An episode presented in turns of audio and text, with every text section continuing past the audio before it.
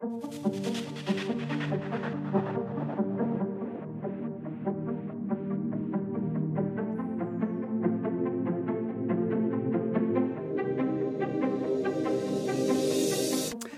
Det här är Professorpodden, platsen på nätet där Högskolan Väst lyfter fram sina nyaste professorer och deras forskning. Jag heter Ulf Axelsson och i det här avsnittet får du möta Ulrika Lund Snis som är professor i informatik med inriktning arbetsintegrerat lärande. Vid sidan av frågorna om hennes forskning kanske hon berättar vad ett bananskal hade med hennes yrkesval att göra och varför hon tog med sig sina två hästar till ett uppdrag i Köpenhamn medan kärleken fick vara kvar i Uddevalla. Hej Ulrika, välkommen hit till studion. Kul att ha dig här. Hej, jätteroligt att få vara här. Tack. Eh, jag vill börja med ordet informatik. Om, om någon frågar dig om ditt arbete och du säger att jag är professor i informatik, förstår de då vad det betyder? Är tveksamt. Kanske att de har börjat förstått lite på senare tid, för det är ett ämne som verkligen har tagit fäste. Vad, i, vad, vad, förklara bara ordet. Vad, vad står det för? Ja, men informatik det, det, är en vetenskap som utvecklar kunskap om digitaliseringen. Digitaliseringens villkor, förutsättningar, konsekvenser för både individer och organisationer och samhället i stort. Men har det med information att göra? Informatik, information, det låter besläktat. Jo, det har ju ett ursprung förstås på informationsbehandling, att man måste också förstå processer, hur, hur data blir information och hur information blir kunskap och så vidare. Hur kom det sig att du hamnade på det här spåret då? Ja, det är en liten rolig historia faktiskt. Okay. Eh, hur jag kom in på banan med informatik som ämne. Det hette faktiskt inte informatik när jag kom in på det här området. Utan det var att jag sökte till en högre utbildning, en utbildning som hette ADB, administrativ databehandling. Och det var den tidens program och utbildningar som fanns. Det var ett första år på Karlstad universitet men sen senare kom över till Högskolan Väst faktiskt. Men hur, hur hamnade du där? Liksom? Var det, var, nu syns det på att du måste berätta. Ja, nej, men det var en verklig slump får jag säga. För det var efter gymnasiet, ganska direkt efter, som jag sökte massa utbildningar på, på eh, högskolor och universitet och kom in men tackade faktiskt nej. För det var inte riktigt aktuellt i min hjärna att jag skulle gå in och, och plugga på högskolan på den tiden. Men så kom hösten och sommarjobbet tog slut. Jag hade liksom inget framför mig. Så det var, min mamma ringde upp mig och såg att, eh, hade sett i tidningen en annons om lediga platser kvar på en högskoleutbildning som var utlokaliserad i Vänersborg som Karlstad universitet då erbjöd som administrativ databehandling. Och det var ju ett område jag aldrig hade ens funderat över och heller inte sökt i, i min tidigare process när jag trodde jag skulle söka på högskolan då. Men den nappade jag på. Det var en annons i tidningen. Så det var det som var bananskalet, du halkade in där? Det kan man säga. Det var inget medvetet val från nej, början? Nej. Visste du vad eh, ADB, administrativ databehandling, stod för egentligen? Nej, knappast. knappast. Jag hade jobbat i butik och på, med kassasystem och så sedan tidigare och förstås på gymnasiet också. Maskinskrivning hade vi på den tiden och det var väl det närmsta. Hade du någon aning om vad som skulle hända när du var, när du var klar sen, när du var pluggat ADB i, var det två år eller hur länge var det? Ja, två år, men sen gick jag över då så erbjöd Högskolan Väst, när vi var nya på den tiden, 1990, att göra en påbyggnadsutbildning. Så då införlivades den utbildningen i vårt utbud, högskolans utbud. Men nej, jag hade faktiskt inte en aning om vart det här skulle landa i och att man eh, har nått där man är idag. Men var tog du vägen efter den utbildningen sen då? Var hamnade du? Eh, men då, det var då, nu ska vi se, efter den utbildningen. Ja, det var ju 91 ja. Då hade vi ju inte bästa förutsättningar här i Sverige. Det var en rejäl lågkonjunktur. 25-öringarna försvann har jag för mig och det var mycket som hände. En arbetslöshet på 25 procent eller något sånt där. Så då erbjöd Arbetsförmedlingen massa insatser för att hjälpa unga att komma in på arbetsmarknaden. Då knallade jag faktiskt ner till Högskolan Väst och knackade på och frågade om jag fick ta jobb som eh, Eh, labbassistent eller eh, hjälplärare ute i datasalar och så vidare. Så där började jag som praktikant. Så där eh, var jag några år. Och det var nog där jag fick ändå mer intresse och fäste för informatik och digitalisering. Jag hade en, en nära kollega där som visade mig runt och visade det, det mer tekniska sidan utav det här området. Så det gav mig jättemycket inspiration. För sen fick jag en känsla av att du försvann över till ett företag som ligger i Trollhättan, en Volvo Aero va? Var du inte där och gjorde ett, ett eh, uppdrag? Jo, absolut. Men det var lite längre fram för jag fick också möjlighet att eh, när jag fick min tidiga anställning på högskolan då att eh, det utannonserades en doktorandtjänst som hade en finansiering tillsammans med Volvo Aero som det då hette.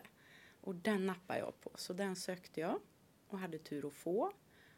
Och eh, då drev jag mitt första delen av mitt avhandlingsprojekt eh, tillsammans med, med operatörer och produktionstekniker ute på GKN. Och vad handlade det om då? Det handlar om eh, utveckling av ett expertsystem. Man hade då, och det har man faktiskt än idag, utmaningar med att kvalitetssäkra en viss produktionsprocess. När man bygger flygmotorer då förstås så behöver man ytbehandla vissa komponenter i flygmotorn. Och det var på en avdelning som hette termisk sprutning. Och det är en otroligt komplex process alltså, där det drivs mycket forskning kring eh, beräkningar för att säkra kvaliteten och styra den här processen på ett bra sätt. Eh, men man såg också möjligheter i att man kunde fånga annan expertis runt omkring den här processen. Det vill säga de operatörer, produktionstekniker och ingenjörer som ständigt jobbar med problemlösning kring processen och försöka ja, utveckla kvaliteten och förbättra processen överhuvudtaget. Att man ville fånga deras expertis och försöka samla den i ett system.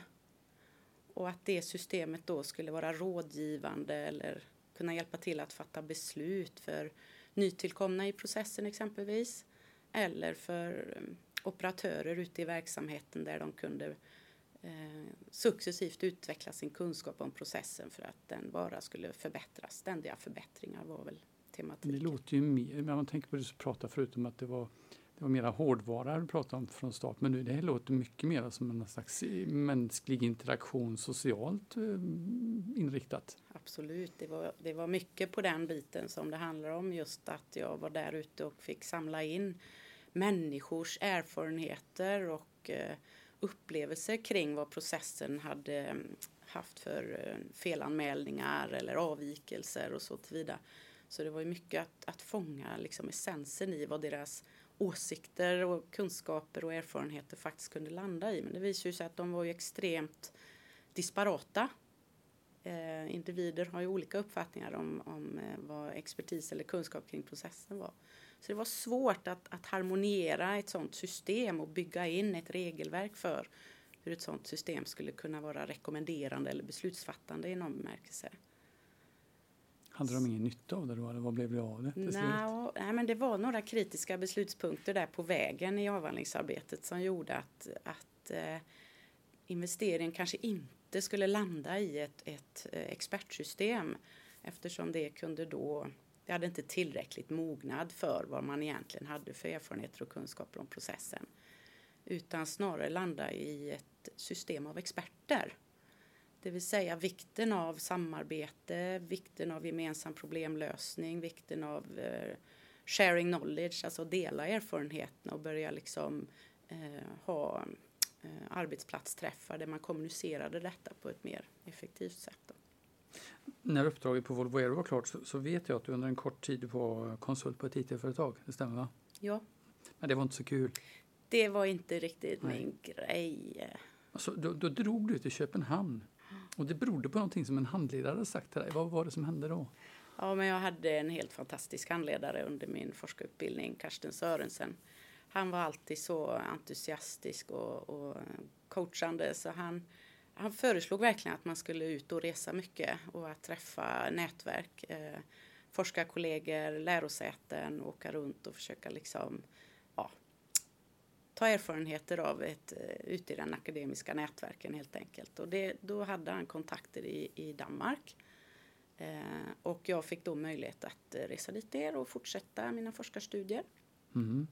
Då hade du, alltså nu vet ju jag, att du hade med dig två hästar i Köpenhamn. Ja, just det. Ja, liksom. Men så hade du en, en, en kärlek i Uddevalla, men han fick inte följa med. Men hästarna tog du med dig. Det känns som ett grymt val. Vad kommer ja, det sig? Nej, Ta med det... sig två hästar till det låter ju jätteannorlunda. Hästar har alltid haft en stor del i mitt liv.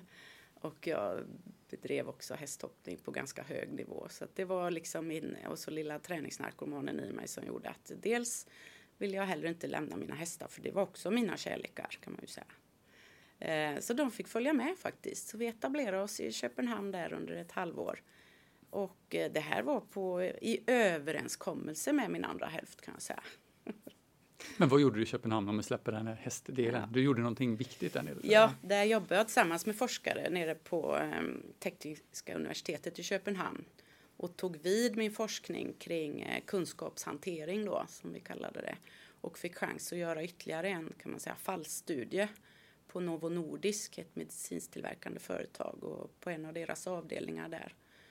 Ehm, så det drev jag med och det, det drog ut lite på tiden. Eller jag hade möjlighet att stretcha ut datainsamlingen över ett år men jag visste sen var ett halvår. Men det förde ju med sig oerhört mycket för min avhandlings skull och att jag kunde gå vidare med doktorsavhandlingen där. Kunde du kombinera det som hade hänt på Volvo Aero och det som hände på Novo Nordisk? Hängde de ihop på något vis i din doktorsavhandling?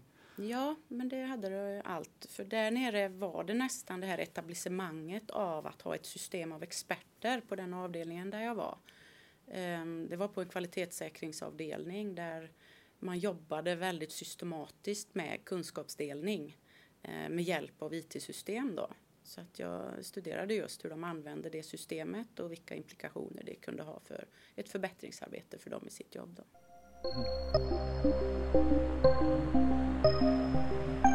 När du sen kom tillbaka till högskolan, för det gjorde du efter Köpenhamn, mm. vad hände då? För att nu, du tog din annan, du tog liksom fart va? Det, var avhandlingen klar då eller vad hände? Ja, den färdigställde jag nog året efter där. Eh, det var mycket med avhandlingen som handlar om artikelproduktion. Man skriver artiklar, gjorde jag en sammanläggningsavhandling. Och eh, det tog full fart där, så det kan man säga. Det gjorde ju att jag 2002, 2002 disputerade med avhandlingen och det var ungefär ett och ett halvt år efter jag kom hem. Vad gjorde du mer på högskolan sen då? För nu, nu, hade du väl nu hade du verktyg att jobba med gissar jag? Oh ja, ja. Nej men då hade vi, vi var ju en stor grupp och kollegor som forskade just inom informatik och eh, med kollegornas hjälp så sökte vi och egentligen har jag gjort hela tiden under även avhandlingsarbetet sökt externa medel för olika typer av forskningsprojekt på temat eh, IT, kunskapshantering, IT och lärande och så vidare. Så vi hade också byggt upp eh, goda kontakter med både Göteborgs universitet, för vi var ju ganska nya på HV då faktiskt, att, att driva den här typen av aktiviteter inom vårt område, informatik. Du pratade, när vi resonerade för ett tag sedan, om att du byggde upp en forskningskultur. Mm. Vad, stämmer det eller var det noterade jag fel? Ja, nej men det stämmer gott det och det var ju då den började kan man säga. Att vi initierade eh, många olika aktiviteter som med forskningens hjälp då också faktiskt involverade studenter. Så vi var ju både lärare eh, och jag. Vi, agerade, vi stod i undervisningssal på dagarna. Eh, vi mötte studenter nära. Vi bedrev forskning och forskningsstudier och vi hade nätverk tillsammans med forskarkollegor runt om i Europa. Så man liksom drev ju hela spektrat parallellt, vilket ju var oerhört förmånligt naturligtvis. Eh, men det var då vi satte oss ner och sa nu, nu bygger vi någonting här, nu, nu gör vi en miljö av detta. Så att, eh, Vad innehöll den miljön då? Eh, nej men det var nog försprånget till miljön kring, kring lärande och IT som i alla fall vår lilla forskargrupp liksom byggde vidare med. Sen kom ju vi på högskolan att också etablera lärande i och för det nya arbetslivet en vital forskningsmiljö som hade ett lite bredare perspektiv, inte bara digitalisering och IT. Så att eh, här kuggade vi på andra forskargrupper på högskolan och eh, ja. Men vilken roll spelade informatiken då när, när ni etablerade forskning kring lärande i arbetslivet? Och så, vad hade, vilken roll hade ni? det är ju det är stort lärande i arbetslivet, mm. men vilken roll hade ni specifikt i, en, i den processen? Eh, men det var nog kanske två roller. Den första var väl att vi, höll jag på att säga, var relativt erfarna att driva forskningsprojekt tidigt i vår forskarutbildning. Så att man kunde vara med och liksom bygga upp eh, nya former av projekt. Eh, unga forskare och även studenter eh, lockade vi ju in kanske i forskarutbildningen på ett annat sätt. På den tiden hade vi inte forskarutbildning hos oss utan att läsa vidare till högre studier och, och väcka forskning som liksom en naturlig del av, av eh, utbildning eh, hos studenterna bland annat. Sen hade väl kanske att vi hade fokus på digitaliseringen. Den, det var ju en process och en trend som fanns inom arbetslivet och kom väldigt fort på arbets, inom arbetslivet där på, i början på 2000-talet. Så digitalisering på arbetsplatserna var ju liksom i sig ett ämne som var väldigt intressant och hett att, driva med naturligtvis. Men hur påverkade och påverkar fortfarande digitaliseringen lärandet och sätten att lära? Eh, jag skulle vilja säga att det påverkar mycket men det ställer också nya krav på att vi som eh, pedagoger och forskare också hanterar förutsättningar på ett, på ett gott sätt. Vi pratar om flexibel utbildning idag. Det, det, finns ju alla möjligheter men också utmaningar kring att det här designas på ett bra sätt förstås. Mm. Hur ser din forskning ut idag? Vad håller du på med? Eh, nu har jag nog kuggat tillbaka lite till det här med eh, jag pratade om expertsystem tidigare. Det har ju sitt ursprung i ett, ett område som idag har flugit upp väldigt mycket i samhället, artificiell intelligens. Ehm, det jag gör är väl att jag tar den mer mänskliga aspekten utav den typen av tillämpningar och tittar på hur mänsklig intelligens och mänsklig kunskapsutveckling kan bli en integrerad del av eh, när man utvecklar system som har med AI att göra. Det låter väldigt komplicerat, eller är det inte det? Jo, det är det.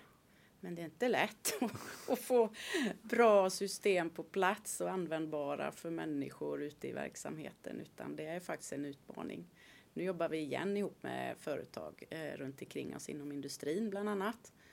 Där vi försöker då mm, skapa metoder och modeller för hur man just kan tänka kring AI-lösningar på ett mer, höll jag på att säga, humant eller mänskligt sätt så att eh, det inte blir ett, ett alltför stort gap när den här typen av system landar i händerna på, på folk som ska nyttja det ute i, i um, verksamheter.